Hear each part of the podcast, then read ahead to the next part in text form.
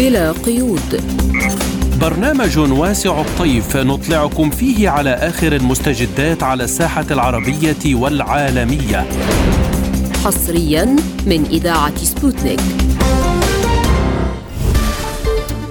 تحية طيبة لكم مستمعينا الكرام وأهلا بكم في حلقة جديدة من بلا قيود. نصحبكم فيها اليوم أنا عماد الطفيلي. وأنا نغم كباس والبداية بأبرز العناوين. شايغو يؤكد أن القوات الأوكرانية لم تحقق أي هدف من أهداف هجومها المضاد. الجيش الإسرائيلي يجتاح مخيم الجنين بالجرافات والطائرات. الشرطة الفرنسية تطلب من إسرائيل مساعدتها في مواجهة الاحتجاجات الشعبية. الاستخبارات الروسية تكشف عن مخطط أمريكي لضرب العلاقات السورية العربية. قيادي سوداني يؤكد أهمية مشاركة روسيا في الجهود الرامية لحل الأزمة السودانية. لازلتم تستمعون إلى برنامج بلا قيود. ونبدأ التفاصيل مما قاله وزير الدفاع الروسي سيرجي شايغو حول أن القوات الأوكرانية لم تحقق أي هدف من أهداف هجومها المضاد على أي محور من المحاور. وهذا يشهد على مهارة مقاتلين والتوقعات المبالغ فيها بوضوح من الأسلحة الغربية المتبجحة فقط في اتجاهات جنوب دانيتسك وزاباروجيا ودانيتسك حيث تشن التشكيلات الأوكرانية هجمات فاشلة ودمرت مجموعات من القوات المسلحة الروسية 15 طائرة وثلاث مروحيات و920 عربة مدرعة بما في ذلك 16 دبابة ليوبارد. موضحا أن عدد دبابات ليوبارد المدمرة تقريبا يتوافق تماما مع عدد هذه الدبابات التي سلمتها بولندا والبرتغال إلى أوكرانيا. وفي الميدان أحبط جنود من مجموعة الجنوب للقوات المسلحة الروسية محاولات القوات المسلحة الأوكرانية للتقدم قرب سوليدار في جمهورية دانيتسك الشعبية حيث كشفت الطائرات دون طيار تقدم العدو والتقدم باتجاه المنطقة للهجوم والتخفي في الغابات وأن العدو يتقدم ليبدأ بالهجوم في الصباح الباكر. تم قصفهم بإطلاق القذائف وتم تحييد ما يصل إلى خمسين جندياً. وتحاول القوات الأوكرانية استهداف محطة زباروجيا النووية قبل قمة للناتو وهو ما قالت عنه أستاذة القانون الدولي الدكتورة كيرا سازونوفا في تعليق لسبوتنيك. Сейчас на Украине очень активно дискутируются перспективы диверсии. الآن تناقش أوكرانيا بشكل مكثف احتمالات الهجوم وتخريب محطة زاباروجيا للطاقة النووية والأهم من ذلك ليس فقط في زاباروجيا ولكن يبحث أيضا نظام كييف إمكانية استهداف محطة كورسك للطاقة النووية وهذا شيء خطير وهذا يعني أنه يجري بحث الكثير من الاحتمالات المختلفة ومنها الطائرة الأمريكية الاستخباراتية المزودة بأجهزة تنصت خاصة لديها القدرة على أخذ عينات. هذه أيضا حلقة من حلقات هذه السلسلة التي يعدها نظام كييف. إن ضغط الجانب الأوكراني على احتمالات التخريب أصبح الآن ببساطة غير عادي خاصة عشية قمة الناتو القادمة في فيلينوس والتي كان الأوكرانيون ينتظرونها في البداية مثل العندليب الصيفي من أجل اتهام روسيا بتقويض المحطات ثم اتضح أن هذا الأمر لن يكون بهذه البساطة وسيدفعون الثمن وللحديث عن هذا الموضوع ينضم إلينا عبر الهاتف من شبه جزيرة القرم الدكتور عمار قنا مدير مركز الدراسات الاستراتيجية والتنبؤ السياسي. أهلا بك دكتور عمار في برنامج بلا قيود. تحياتي لكم. نبدأ من محاولة اغتيال رئيس شبه جزيرة القرم، يعني هل نحن دخلنا اليوم في موجة آه، محاولات لاغتيالات آه، آه، لرؤساء مثلا أقاليم روسية أو لشخصيات معروفة. وهو الحل الوحيد اليوم أو الأسلوب الوحيد أمام نظام كييف برأيك؟ باعتقادي هذا النمط يعني هو ليس جديدا للسلطه السياسية في كييف وهو التوجه يعني إلى الإرهاب، الإرهاب المجتمعي، إرهاب الدولة ونراه يعني يأتي تقريبا يعني ممنهجا من خلال عدة عمليات استهداف جسر القرم ومن ثم في في موسكو استهداف يعني صحفية وفي سانت بطرسبرغ واليوم التوجه إلى تفعيل مثل هذه يعني التحركات الإرهابية. والهدف الأساسي يعني منها هو ترهيب يعني المجتمع ومحاولات يعني زعزعة المنظومة المجتمعية، كل هذا يعني يأتي ضمن الفراغ يعني السياسي وعدم وجود خيارات خيارات أخرى. وكلها كما نرى يعني تأتي متوازية مع يعني الفشل العسكري على الجبهات الرئيسية. واستهداف يعني أو محاولة استهداف يعني القرم هم يرون أنها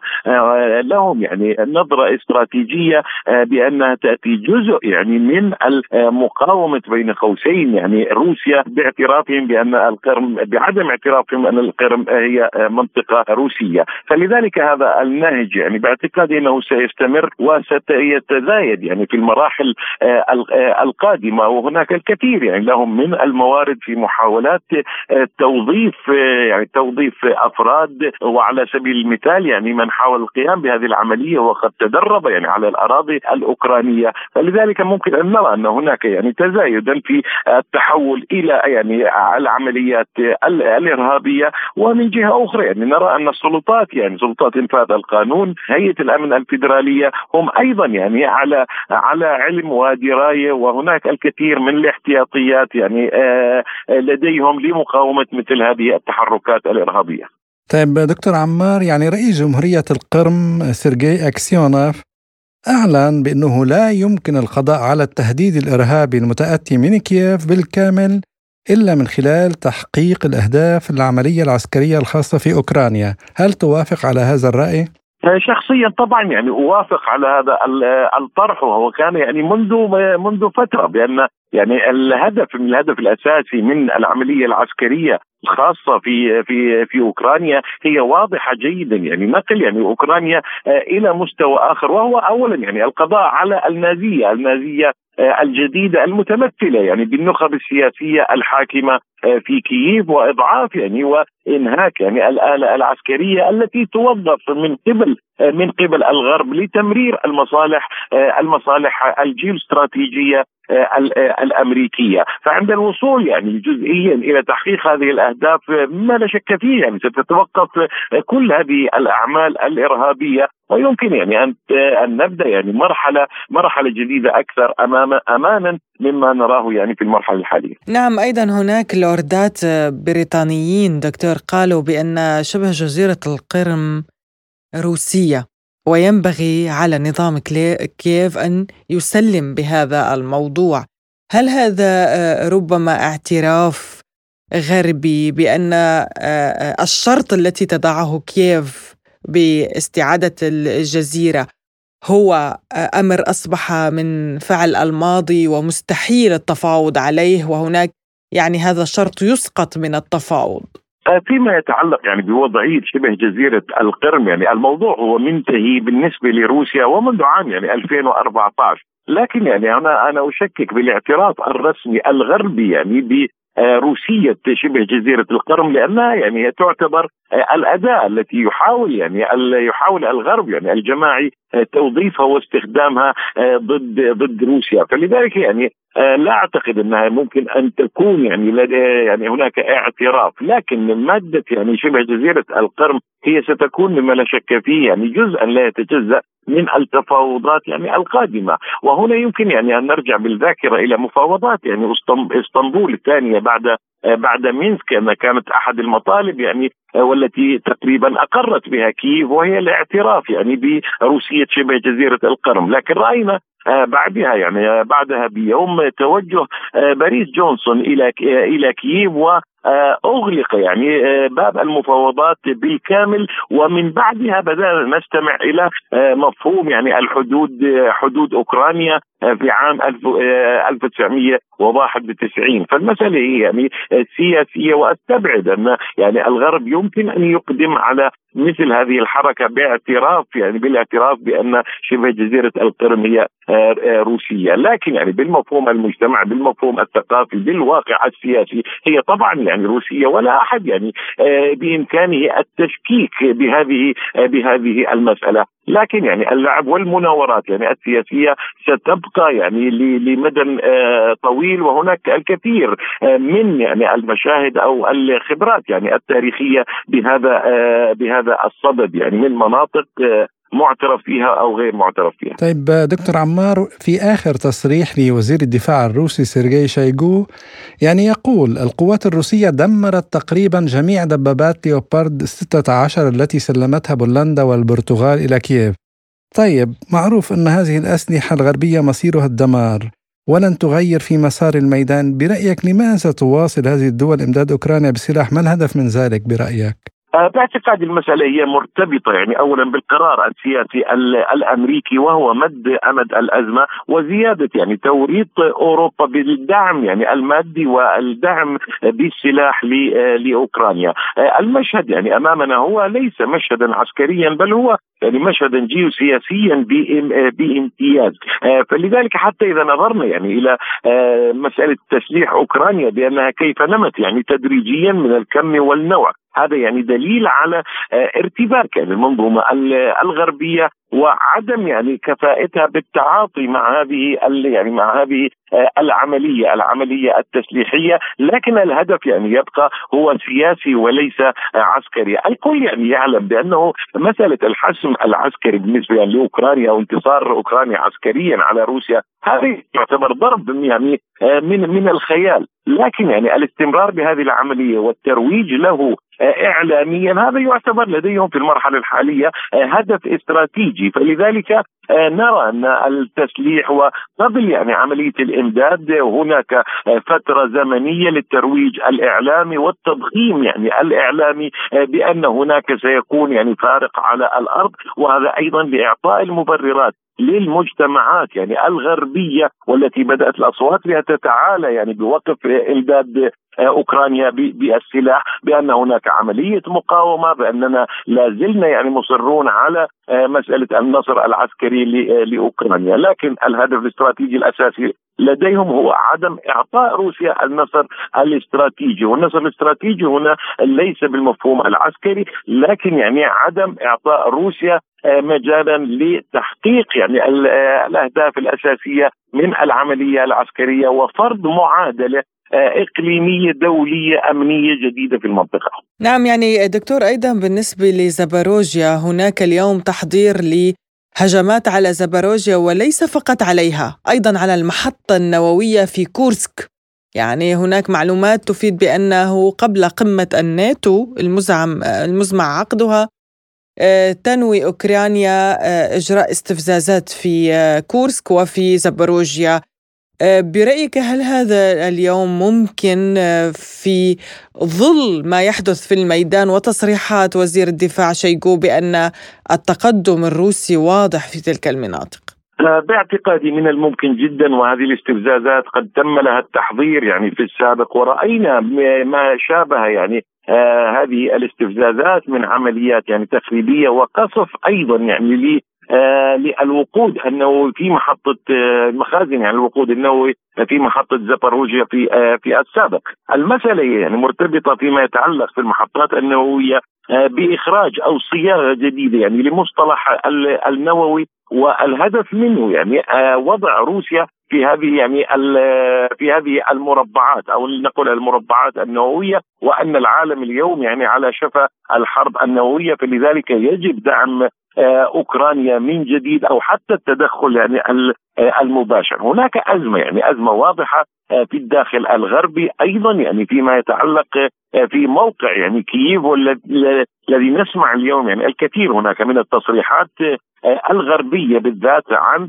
يعني التفكير بإعادة النظر في مسألة التسليح أو التوجه يعني إلى الحل السياسي بما أنه الهجوم المضاد يعني لم يؤتي ثماره فاذا لنتوجه للحل السياسي وهنا تقديم تنازلات. هذه مسألة التنازلات صعبة جدا على كييف وأيضا على الطرف الأمريكي. فلذلك التوظيفات يعني الاستفزازية من خلال يعني استهداف هذه المحطات والمقصود بها يعني إحياء من جديد العامل النووي في الإعلام الدولي ممكن يعني أن نرى مثل هذه الاستفزازات ومرة أخرى أقولها كلها يعني كل هذا يأتي آه، في عدم يعني وجود الحل السياسي أو حتى التوجه إلى طاولة المفاوضات من قبل الولايات المتحدة. آه، طيب آه، بعد سؤال أخير دكتور عمار يعني القائم بأعمال حاكم منطقة زباروجيا يعني تم تصديقا على كلامكم أن القوات الأوكرانية فقدت وفق تقديرات تمهيدية أكثر من 20 ألف عسكري في اتجاه زباروجيا منذ بداية هجومها المضاد يعني يدفعون بالجنود إلى التهلكة وهم يعرفون جيدا أنه ليس هناك أي نجاح سوى يريدون تقديم تقرير للغرب عن نجاحاتهم يعني كيف تعلق على ذلك؟ نعم سيدي الكريم يعني وإذا رأينا هذا الهجوم يعني المضاد روج له يعني قبل أشهر اعلاميا آه وأيضا دعم عسكريا وعول عليه سياسيا. فهذه يعني هنا تكمن يعني معضلة أخرى آه، إما التوقف أو إعلان يعني الهزيمة وهذه المسألة يعني نراها شبه مستحيلة بالنسبة بالنسبة لهم. آه، لكن يعني يجب الاستمرار. إن لم يكن يعني بالطريقة العسكرية أو حتى يعني بالعسكرية. اليوم هذا الوقود يعني الأوكراني هو يدفع من جميع الأطراف فقط لاستمرار. لاستمرار مفهوم أو مصطلح المقاومة وأن هناك بين قوسين هناك نتائج ملموسة على الأرض. نعم أتوافق يعني مع طرحكم بأن من من المحتمل يعني أن نرى بعض يعني النتائج هي لكييف في في قمة الناتو، لكن يعني مع عدم وجود أو بروز اليوم حتى البراغماتية يعني الأوروبية نرى الانصياع الكامل يعني للولايات المتحدة، الولايات المتحدة ينقذها يعني نوعا ما تداعيات هذا الصراع. بعدها الجغرافي. مع العلم التداعيات الاقتصادية هي تمسها أيضا مباشرة. لكن الاستقطابات في الداخل الأمريكي في الداخل الأوروبي هو ما يعيق يعني اليوم الحديث عن مسار مسار سياسي. هناك استراتيجية أمريكية وليست يعني غربية. بالاستمرار بهذه العمليات العسكرية وعدم إعطاء يعني فرصة للنجاح لروسيا. فنرى يعني هذا المد بما وأنا أطلق عليه يعني هذا ليس هجوم مضاد لكنه هجوم انتحاري. لكن من الذي يعني اليوم يقوم بهذه العمليات؟ للاسف الشديد يعني نقولها الشعب الأوكراني القوات الأوكرانية التي وظفت سياسيا وعسكريا كأداة ضغط من قبل الولايات المتحدة على روسيا. نعم كما قلت يعني هجوم انتحاري ويائس. مدير مركز الدراسات الاستراتيجية والتنبؤ السياسي دكتور عمار قناة كنت معنا من سيفاستوبل شبه جزيرة القرم شكرا جزيلا لك دكتور عمار شكرا شكرا لكم لازلتم تستمعون إلى برنامج بلا قيود وإلى ملفنا التالي حيث أفاد موقع عبري بأن إسرائيل أبلغت واشنطن بعمليتها العسكرية في جنين شمالي الضفة الغربية من دون تحديد توقيت لهذه العملية. وتشن القوات الإسرائيلية عملية عسكرية على مخيم جنين بمؤازرة قرابة 150 آلية عسكرية وبدعم من الطيران الحربي الذي شن نحو 15 غارة حتى الآن وأفادت وزارة الصحة الفلسطينية بارتفاع حصيلة القتلى الفلسطينيين خلال العملية العسكرية الإسرائيلية في مخيم جنين إلى خمسة وإصابة 27 آخرين سبعة منهم بحالة خطيرة. في الوقت نفسه يستعد جهاز الأمن الإسرائيلي لرد فعل محتمل من قبل الفصائل الفلسطينية في غزة ولبنان وتضامنا مع مخيم جنين للاجئين. حول هذا الموضوع قال نائب رئيس المجلس الوطني الفلسطيني والقيادي في الجبهة الديمقراطية لتحرير فلسطين علي فيصل لسبوتنيك. واضح تماما أن هذا العدوان الإسرائيلي والاجتياح المتجدد لمدينة جنين ومخيمها إنما باتت تنذر بتنفيذ مخطط الحكومة الإسرائيلية حكومة المستوطنين الهادفة إلى كسر إرادة المقاومة وتصفية آه، التحركات الشعبية الفلسطينية من أجل آه، تنفيذ مخطط الضم والاستيطان للضفة الفلسطينية للكيان الصهيوني. هو آه، بمثابة حرب على الشعب الفلسطيني وحقوقه من بوابة مدينة جنين ومخيمها الذي يواجه ببسالة هذه آه، الحرب ويواجه هذا المخطط العدواني الإسرائيلي. آه، الاعتداءات المتكررة التي تشنها إسرائيل والمتنقلة من من مدينة وإلى مخيم إلى بلدة باتت تتطلب ردا فلسطينيا مختلفا عن السابق لأن هذا العدوان ما كان ليحصل لولا التغطية الأمريكية والغربية المتمادية ولولا الصمت الدولي والانحياز السافر لهذا العدوان الإسرائيلي وضعف التدخل الدولي لوقف مثل هكذا جرائم حرب موصوفة ولمثل هكذا مجازر ترتكب جهارا نهارا وفي تحدي للقانون الدولي ولقرارات الشرعية الدولية. شعبنا الفلسطيني في عموم الضفة الفلسطينية وفي كل أماكن تواجده يقف صفا واحدا في مواجهة هذه السياسة وهذه المخططات ويصعد من أعمال المواجهة والمقاومة الشعبية والمسلحة لهذه الجرائم المتكررة في الضفة الفلسطينية وأخذ قراره الحاسم بإسقاط مخطط الضم والترحيل والتهجير الإسرائيلي مخطط التنكر للوجود الفلسطيني ووجود الشعب الفلسطيني ولوجود فلسطين على الخارطة السياسية وأيضا التنكر الكامل والعمل الدؤوب من أجل تصفية الحقوق الوطنية الفلسطينية وخاصة حقه في تقرير مصيره وإقامة دولته الفلسطينية المستقلة بعاصمة القدس. وحق عودة اللاجئين إلى ديارهم المخطط أصبح واضحا والمواجهة الشاملة هي الرد على هذا المخطط. وعن دلاله إبلاغ إسرائيل للولايات المتحدة بعمليتها العسكرية يقول فيصل تماما آه هذا الموقف الأمريكي ليس بجديد. الولايات المتحدة الأمريكية هي راعية آه أمن هذا الكيان وهي راعية كل أشكال العدوان وهي التي تحمي هذا العدوان في المؤسسات الدولية خاصة في مجلس الأمن والأمم المتحدة. وتمنع كل المؤسسات الدولية العاملة في حقل حقوق الإنسان وفي مواجهة الجرائم والتمييز العنصري من اتخاذ إجراءات رادعة بحق دولة إسرائيل. فلذلك السياسة الأمريكية هي التي تغطي هذا العدوان هي التي تدعم هذا العدوان هي التي تدعم دولة إسرائيل وهي التي تفتح أمامها أبواب التطبيع العربي على مصراعيها وتضعه في الأولوية. ولذلك نحن في هذا السياق ندعو إلى مواجهة شاملة للسياسة الأمريكية الشرق الأوسط.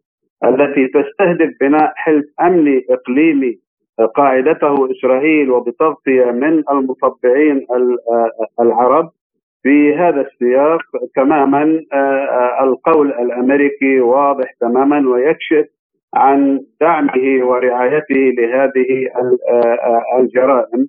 نحن نقول في مواجهة هذه السياسة ينبغي أن نعتمد على أنفسنا وأن نجمع كل عناصر القوة الكامنة فينا وأن ننهي الانقسام الفلسطيني ونستعيد الوحدة الوطنية على خيار المقاومة الشعبية وتطبيق قرارات المجلس الوطني الفلسطيني والمجلس المركزي التي أكدت إلغاء كافة الالتزامات والاتفاقات بين منظمة التحرير والسلطة الفلسطينية ودولة إسرائيل بما فيها الخروج من مسار اوسلو والتنسيق الأمني واتفاق باريس الاقتصادي وسحب الاعتراف بدولة إسرائيل ومقاطعتها اقتصاديا ومحاكمتها دوليا على جرائم الحرب التي ترتكبها بحق شعبنا وتدويل الحقوق الفلسطينية بالاعتراف بدولة فلسطين كاملة العضوية في الأمم المتحدة وتدويل قضية الأسرى باعتبارهم رجال مقاومة وفوارس حرية يواجهون احتلالا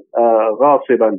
ولذلك نحن ندعو إلى الخروج من دائرة الرهان على التدخل الأمريكي والسياسة الأمريكية لأنها تكشف نفسها بهذه التصريحات عن أنها غطت هذا العدوان وتغطي هذه الجرائم وتغطي الاستيطان الإسرائيلي وسياسة الضم الاسرائيليه وتغطي سياسة تصفية الحقوق الفلسطينية والتنكر للشعب الفلسطيني ووجوده والتنكر لكل قرارات الشرعية الدولية. وعن إمكانية حصول رد فعل عسكري تضامني مع مخيم جنين من قبل لبنان وغزة يقول فيصل بالتأكيد آه، نحن ندعو آه، الشعب الفلسطيني والشعب الفلسطيني بمسؤوليته الوطنية سيمنع أي استفراد بمخيم جنين ومدينة جنين كما منع الاستفراد بمدينة القدس ومنع الاستفراد بقطاع غزة وبالتالي كل مكوناته ستكون في ميدان المواجهة.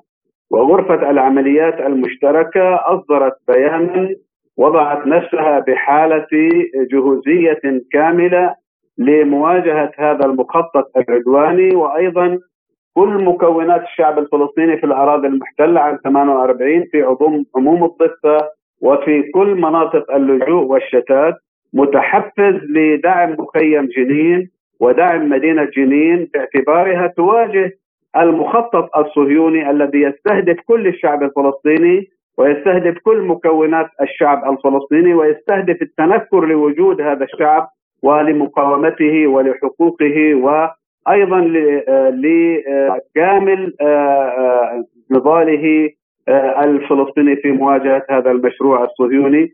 نعم الجميع في جهوزية كاملة لمواجهة هذا العدوان ومواجهة هذه السياسة لحكومة التطرف اليميني الفاشية والنازية حكومة المستوطنين المستوطنين حكومه المحارق والمجازر الموصوفة تحت مرأى ومسمع المجتمع الدولي الذي ندعوه للتحرك لكننا لا نراهن عليه ولا في أي لحظة من اللحظات نراهن على وحدة شعبنا على مقاومة شعبنا على تحركه في كل أماكن تواجده وهو لن يسمح بالاستفراد بمدينة جنين وبمخيمها ولا بالضفة الفلسطينية.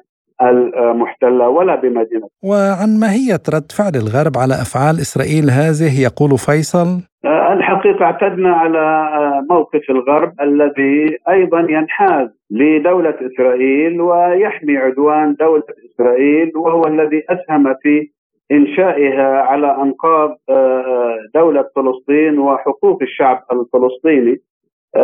ربما خرج البعض من هنا ومن هناك في تصريحات. لكن آه، عليك أن ترى أن آه، رئيسة المفوضيه الاتحاد الأوروبي هي التي تقول وغيرها من المجتمع الغربي يقول أن إسرائيل في حالة دفاع عن النفس وهذا تغطية للعدوان الإسرائيلي.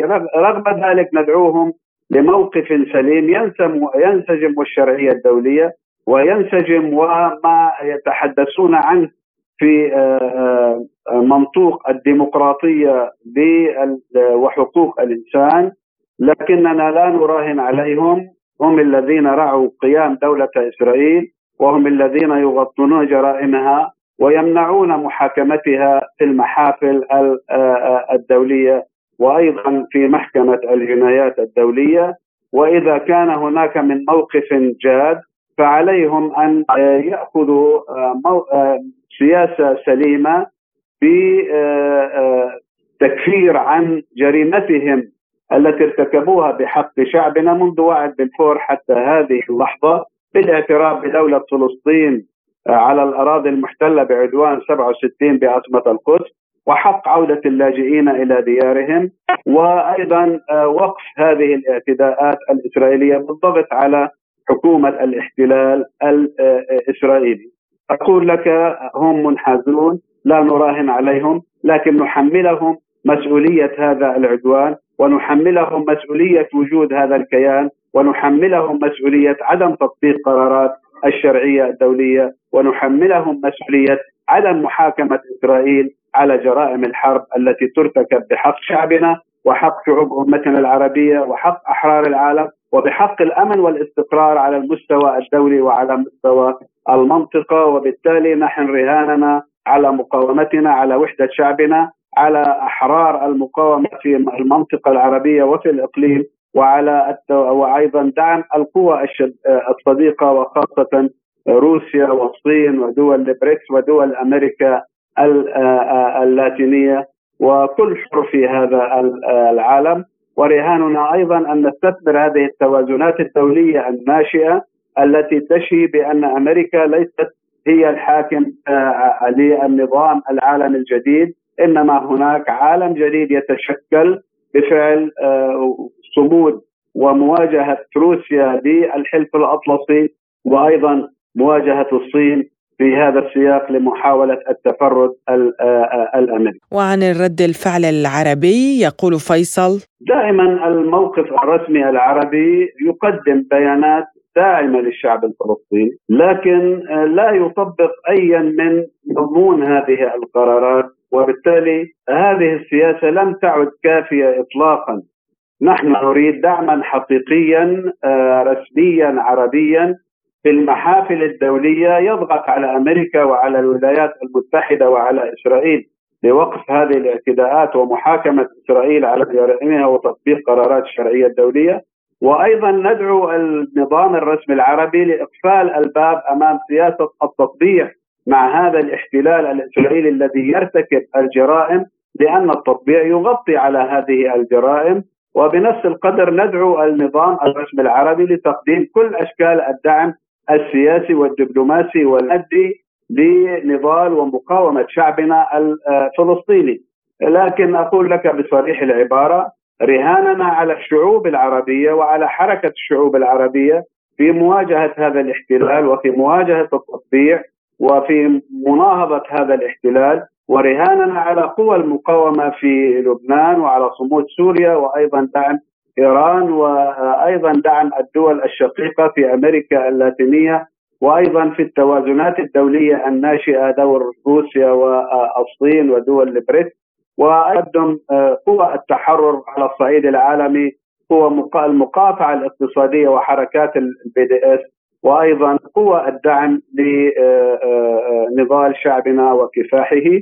وبالرهان الرئيسي أيضا على صمود شعبنا والملاحم التي يسطرها في مواجهة هذا الاحتلال لإسقاط هذا المخطط الواضح المعالم الذي يريد أن يشطب فلسطين على الخارطة السياسية وأن يشطب وجود الشعب الفلسطيني وأن يشطب الحقوق الوطنية الفلسطينيه خاصة حقه في تقرير المصير وإقامة دولته الفلسطينية المستقلة وحقه في العودة. وأقول لك أن اقصر الطرق لتحقيق هذه الحقوق هو المقاومة الفلسطينية بكافة أشكالها الشعبية والمسلحة والقانونية والاقتصادية والدبلوماسية التي توصلنا لإنهاء هذا الاحتلال وسياسة الفاشية النازية الجديدة في دولة إسرائيل وفي حكومة التطرف والمستوطنين. استمعنا إلى مداخلة نائب رئيس المجلس الوطني الفلسطيني والقيادي في الجبهة الديمقراطية لتحرير فلسطين علي فيصل. لازلتم تستمعون إلى برنامج بلا قيود. وإلى فرنسا حيث قالت وسائل إعلام إسرائيلية إن الشرطه الفرنسيه طلبت من إسرائيل مساعدتها في مواجهة الاحتجاجات التي تشهدها العاصمة باريس ومدن أخرى في البلاد عقب مقتل شاب من أصول جزائرية. ولا تزال تداعيات تظاهرات الغضب في فرنسا مستمرة على الرغم من محاولات الشرطة تغيير الوقائع على الأرض إلى أن مساحة الفوضى تتسع لتصل شظاياها دولا أوروبية أخرى كبلجيكا وسويسرا ما يؤشر على أن فتيل الغضب من الممكن أن يتسع رافضا سياسة العنصرية الملازمة للحكومات الأوروبية. وللتعليق على هذا الموضوع إليكم ما يقوله لبرنامجنا الخبير في الشأن الأوروبي نزار الجليدي.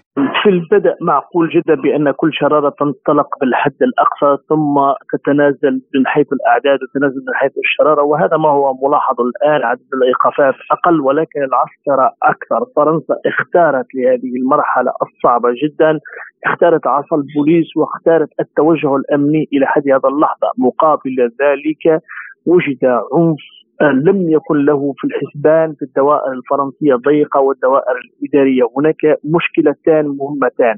هناك مشكلة قطيعة بين السلطة ممثلة في رجال إنفاذ القانون الشرطة وبين الشباب أعمارهم الذي الأمر الذي أصبح محير جدا أعمارهم من 14 إلى 17 سنة. كل الايقافات محيرة ومحيرة جدا باعتبار أن هؤلاء ليس في ليسوا في تشكيل سياسي ولا تنظيم نقابي ولا تنظيم شبابي ولا ولا ولا جمعياتي.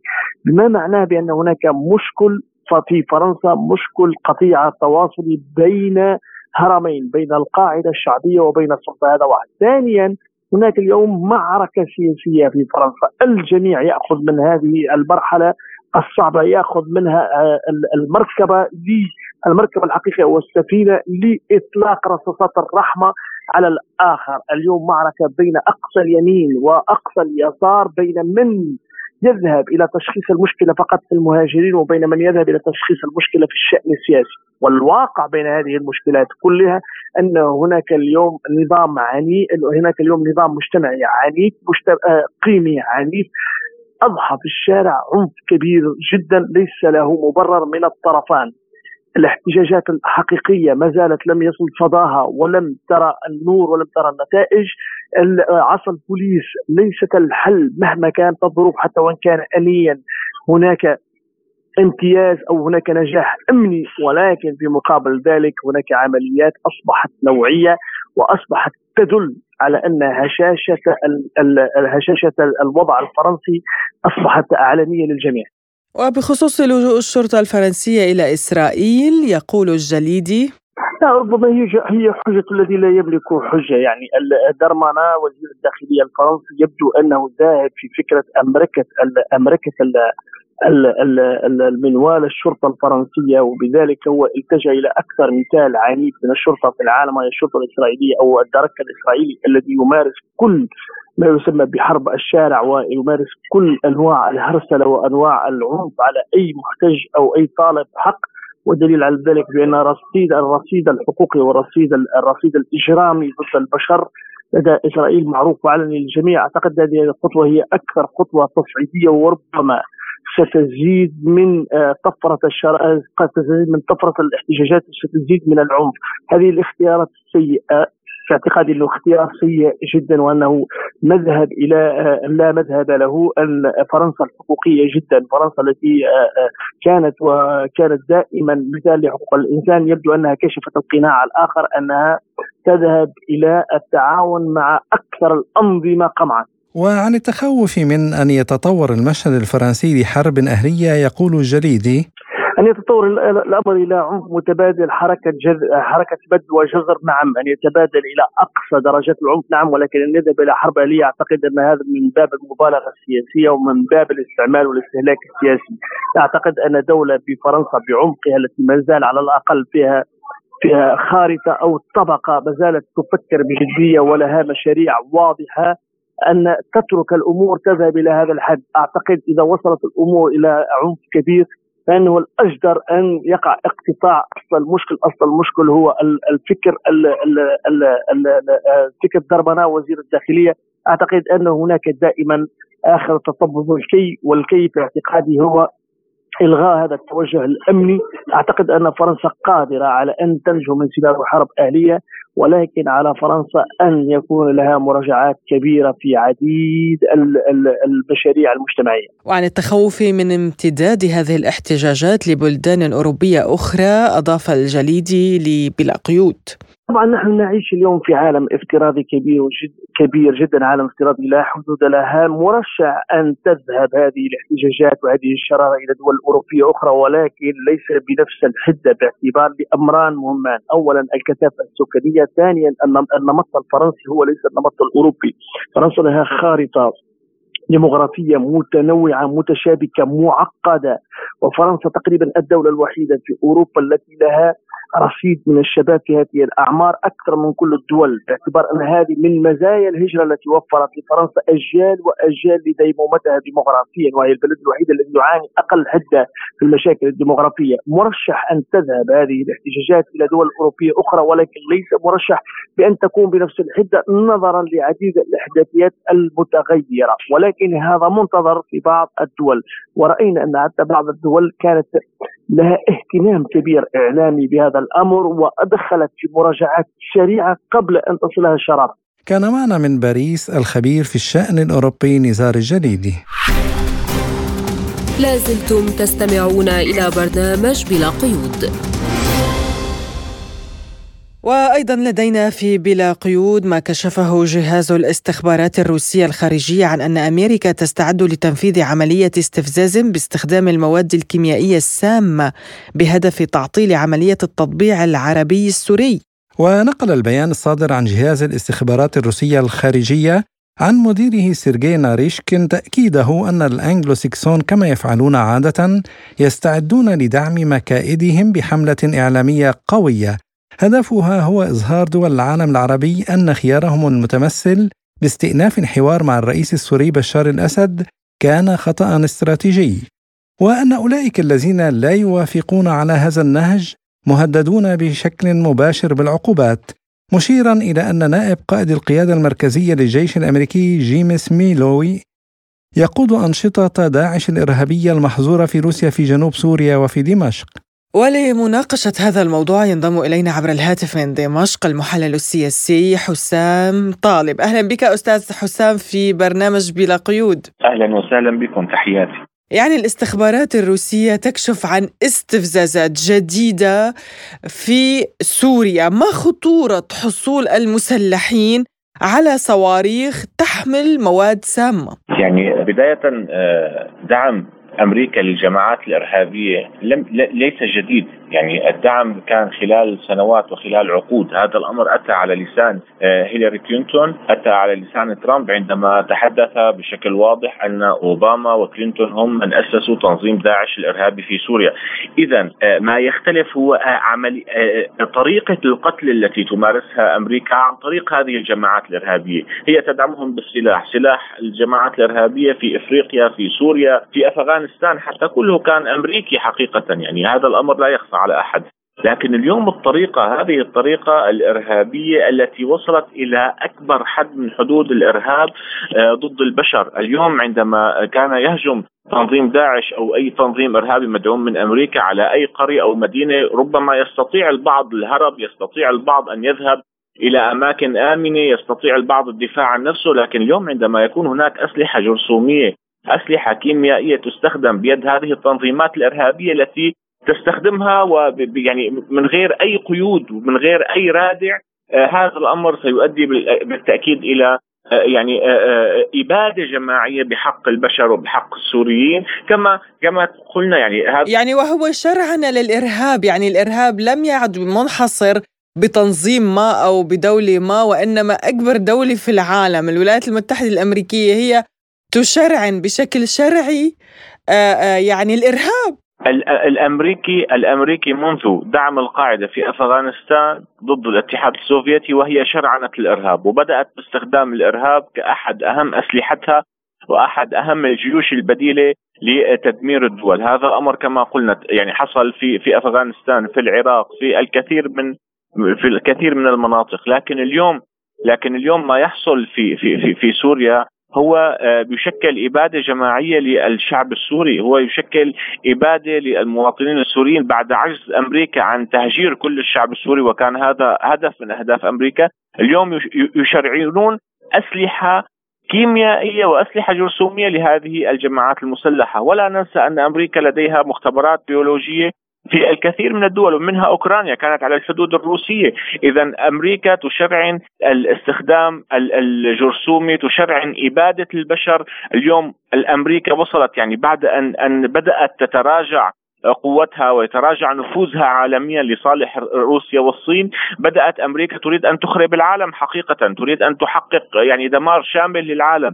هذا الأمر يجب على المجتمع الدولي يجب على الدول الكبيرة يجب على الجميع أن يضغط على أمريكا بأكبر وسائل الضغط كي توقف هذا هذه الأعمال الإرهابية هذه الأعمال التي تؤدي إلى إبادة جماعية للبشر. لكن أستاذ حسام ما خطورة تنفيذ مثل هذه الأعمال الإرهابية في سوريا حاليا إنه الأوضاع تعود بشكل طبيعي العلاقات العربية السورية تعاد يعني وإلى طبيعتها ما خطورة تنفيذ مثل هذا العمل حاليا؟ بالتأكيد سيدي الكريم عندما نتحدث عن أن سوريا اليوم بدأت يعني بدأت في مراحل التعافي. بدأنا بالخطوات الأولى للتعافي من آه، ما حصل خلال 11 عام من إرهاب من تدمير. آه، أمريكا بشكل واضح وبشكل صريح ترفض أن تعود سوريا إلى طبيعتها أن يعود الشعب السوري إلى مدنه وبلداته. تريد الشعب السوري أن يبقى في المخيمات وأن يبقى وسيلة ضغط وأن يبقى وأن تبقى هذه المخيمات مفرخة للإرهاب. الإرهاب يعني اليوم اليوم هناك تجنيد في المخيمات. هناك عناصر داعش في المخيمات يطلقون في البادية السورية أو في العراق وبعضهم هناك تقارير أوروبية وليست روسية ولا سورية تتحدث عن داعش في في أوكرانيا وشاهدنا تنظيمات متطرفة إلى جانب المتطرفين في في في أوكرانيا، يعني هذا الأمر بات واضح، لذلك هذا أمر خطير جدا إذا وصلت هذه الأسلحة إلى أو أو عندما تصل هذه الأسلحة إلى الجماعات الإرهابية المتطرفة، هذه الجماعات تنتشر في العالم كله، هذا هذه الجماعات مستعدة استخدام هذا السلاح بكل بكل أريحية، لا يوجد لديها رادع كما قلنا، عندما اليوم آه، آه، آه، تعيد ليس فقط رادع بل مدعومة من أمريكا لما يعني ليس لم يكن لديها لم يبقى لديها رادع وإنما مدعومة بشكل مباشر من الغرب من الولايات المتحدة الأمريكية. يعني طبعا سيدتي أتحدث عن الرادع الأخلاقي، يعني اليوم بالإضافة إلى عدم وجود رادع أخلاقي لدى هذه التنظيمات الإرهابية أيضا هناك دعم مباشر وحتى يعني حتى اعطائهم المواد واعطائهم التقنيات واعطائهم الصواريخ المحشوة آه، بهذه المواد السامة، يعني هذا الأمر بالتأكيد سيؤثر على سوريا وسيؤثر على المنطقة وعلى العالم، كما قلنا هذه الجماعات تنتشر في الكثير من دول العالم، لذلك اليوم عندما رأت أمريكا أن عملية إعادة سوريا إلى طبيعتها إلى حياتها الطبيعية إعادة السوريين إلى حياتهم الطبيعية وعندما فشلت بالضغط على العرب آه، آه، بوقف عمليات آه، يعني التطبيع مع سوريا أو عودة العلاقات مع سوريا عندما شاهدت أن الإرهاب فشل بالأسلحة التقليدية التي كانت تقتل بالمدافع والصواريخ والمدرعات كل ما كان يعني آه، يقدم لهذه الجماعات عندما فشلوا بدأت اليوم باستخدام الأسلحة الكيميائية والجرثومية لتحقق أكبر عدد من آه، من القتلى من من الشهداء في آه، بالشعب السوري. تعيد الأزمة إلى بدايتها يعني. تحاول من خلال المواد الجرثومية صدقتي سيدتي أن تعيد الأزمة وتعيد الحرب إلى بدايتها. إخافة الشعب السوري، الشعب السوري اليوم بدأ يشعر بالقليل لا أتحدث يعني بشكل كبير بالقليل أننا بدأنا نخرج من الأزمة، الشعب السوري يعيش حالة ضغط كبيرة خلال 12 عام من الحرب، اليوم بدأ الشعب السوري يتنفس الصعداء كما قلنا ولم يلمس هذا الأمر بشكل مباشر على حياته اليومية لكن عندما تستخدم هذه المواد عندما يعود الشعب السوري ليشاهد مئات الضحايا آلاف الضحايا آه، بالتأكيد هذا الأمر سيعيد الأزمة إلى بدايتها سيعيد الوضع النفسي حتى سيعيد الوضع يعني يعني آه، بشكل عام إلى آه، بداياته من أن الحرب في سوريا مستمرة، أن الحرب في سوريا لم تنتهي، بالعكس هي تأخذ مراحل متقدمة بالإجرام الأمريكي والإجرام الإرهابي الذي يمارس ضد الشعب السوري، هذا عامل يؤثر على الشعب السوري بشكل مباشر وعامل ضرر للشعب السوري بشكل مباشر، بالتأكيد الأسلحة الكيميائية ستستخدم ضد الشعب السوري، يعني هذا واضح. كما كان داعش يقتل السوريين، كما كانت نصرة وما زالت بدعم أمريكي وبدعم السي آي اي واللقاءات مباشرة بين السي اي اي وبين وبين جبهة النصرة آه، يقتلون السوريين. اليوم يقتلونهم بطريقة يعني يعني أكثر ترويعا وهي الأسلحة الجرثومية والأسلحة الكيميائية. لكن للأسف الشديد أستاذ حسام يعني لدى الولايات المتحدة الأمريكية والغرب ماكينة إعلامية ضخمة. يعني يمكن أن يجعلون من الأبيض أسود والأسود أبيض ويضخون إعلاميا يعني وكأنهم هم يدافعون عن حقوق الإنسان. ويتهمون الغير باستخدام هذه المواد. يعني لابد من أيضا حملة إعلامية ضخمة لشرح هذا الموقف. توافق على الرأي؟ بالتأكيد سيدي الكريم يعني آه، لابد أن يكون للإعلام دور كبير في كشف وفضح آه، الممارسات الأمريكية. هذا الأمر حصل أيضا في في في في, في أوكرانيا؟ يعني عندما عندما آه، أكثر من ثمان سنوات النازيين يقتلون بشعب دونباس ويقتلون بشعب لوغانس ثم تأتي أمريكا وتقول أن يعني هذه الديمقراطية اذا يعني هو أمر التضليل واضح. لديهم معامل بيولوجية في في أوكرانيا ثم يقولون أن روسيا تعتدي على أوكرانيا رغم أن أوكرانيا تريد أن تحصل على قنبلة نووية.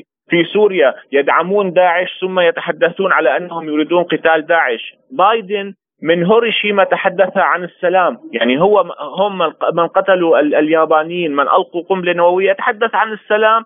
وأن أمريكا تريد نشر السلام من هيروشيما بكل وقاحة، إذا الوقاحة الأمريكية باتت واضحة، الإعلام الأمريكي والإعلام الغربي بالتأكيد يحقق حملات لكن هذه الحملات سرعان ما يتبين أنهم كاذبين، يعني لدينا لدينا وقائع كثيرة. هم يستطيعون أن أن يخطفوا الأجواء الإعلامية لفترة معينة، لكن في الحقيقة لدينا حقائق على الأرض، الإعلام يصنع ولا يصنع الحقيقة، الحقيقة يصنع الشعوب. الحقيقة يصنعها اليوم السوريين الحقيقة يصنعها الروس في في أوكرانيا ويشا يعني الجميع شاهد يعني يعني كل الحمله الإعلامية ضد روسيا لكن في النهاية شاهدنا آه، النازيين كيف يقتلون آه، آه، الشعب الأوكراني حتى يعني ويعذب وكل من لا يرفع السلاح في وجه روسيا. سؤال أخير بالمختصر أستاذي الكريم أنه هدف ما يحدث اليوم في سوريا من استفزاز هو آه، آه، تعطيل عملية التطبيع العربي السوري. هل تتوقع أن الدول العربية اليوم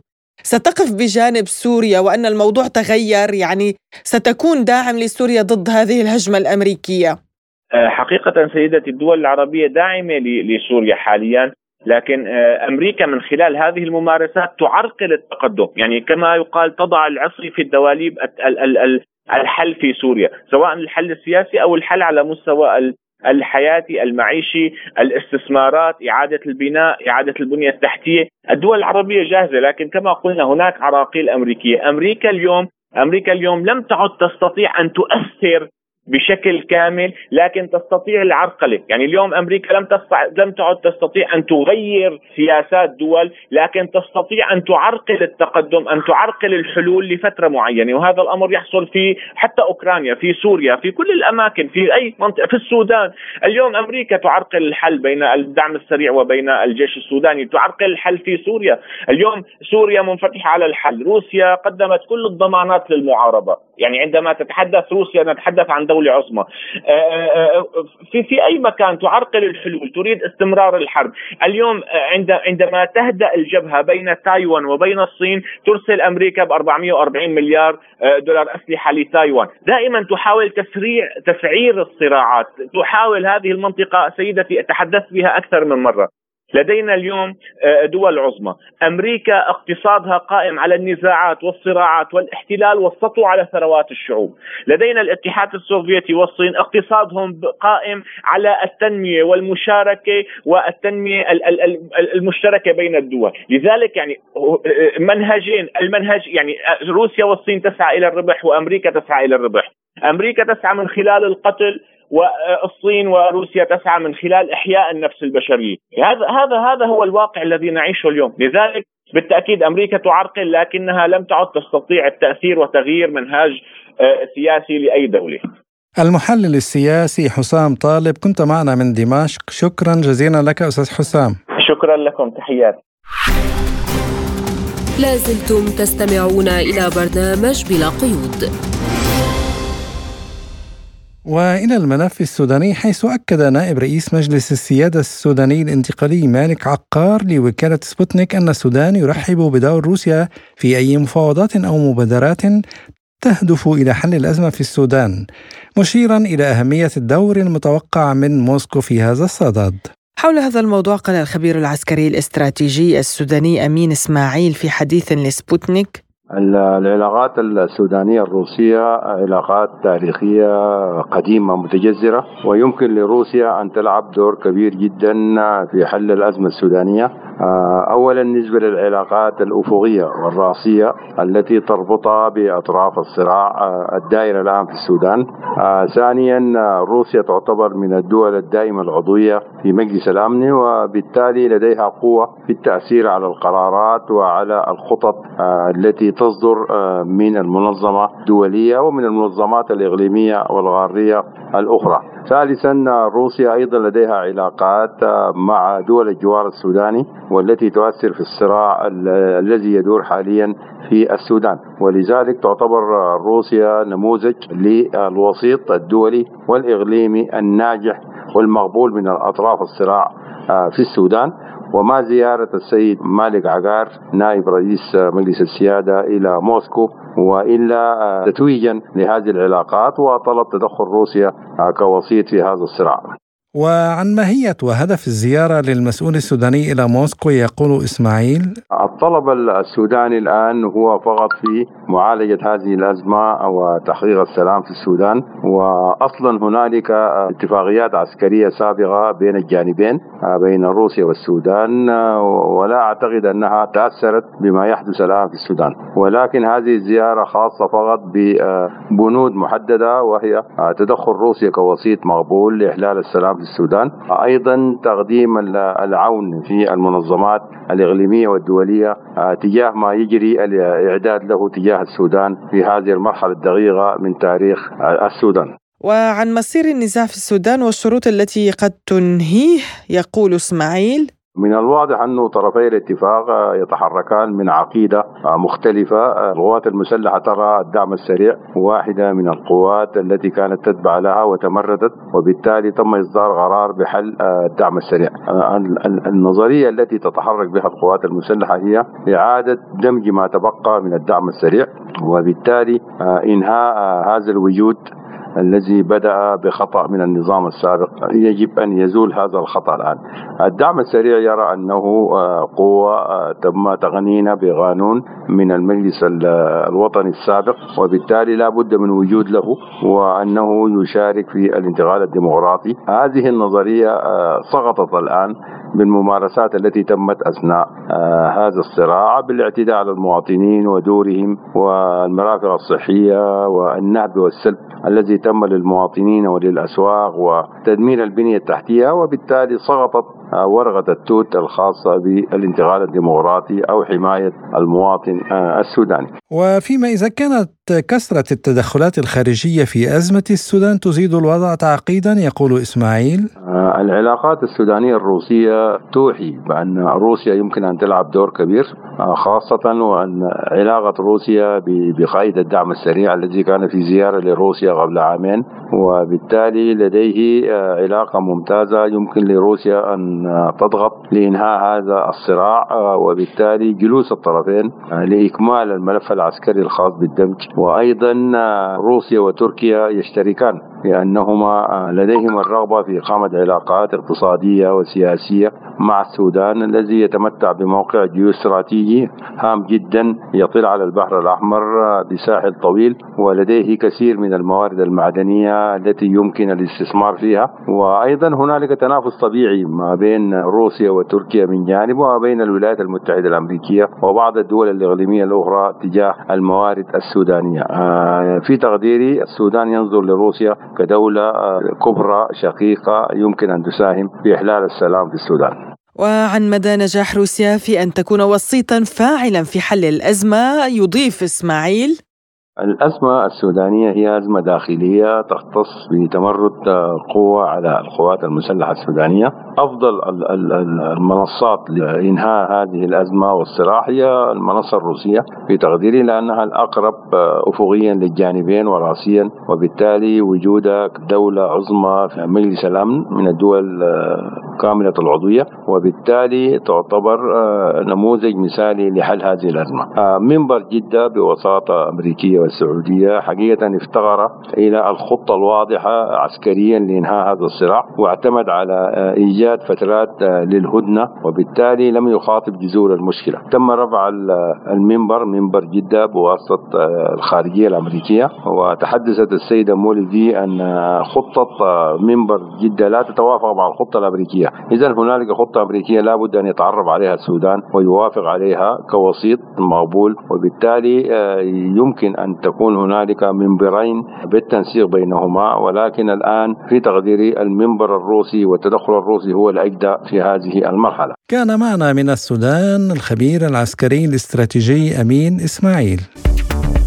وإلى هنا مستمعينا الكرام تنتهي حلقة اليوم من برنامج بلا قيود. كنا معكم فيها أنا عماد طفيلي وأنا نغم كباس. ولا تنسوا متابعة موقعنا الإلكتروني سبوتنيك أرابيك AE وشكرا لإصغائكم وإلى اللقاء. لا تنسوا متابعينا ومستمعينا الاشتراك بقناة برنامج ارب بوينت بودكاست على يوتيوب وفيسبوك وبودكاست وتويتر. وهذه القناة تقدم مجموعة منوعة من المواضيع السياسية والاقتصادية والاجتماعية. إلى اللقاء.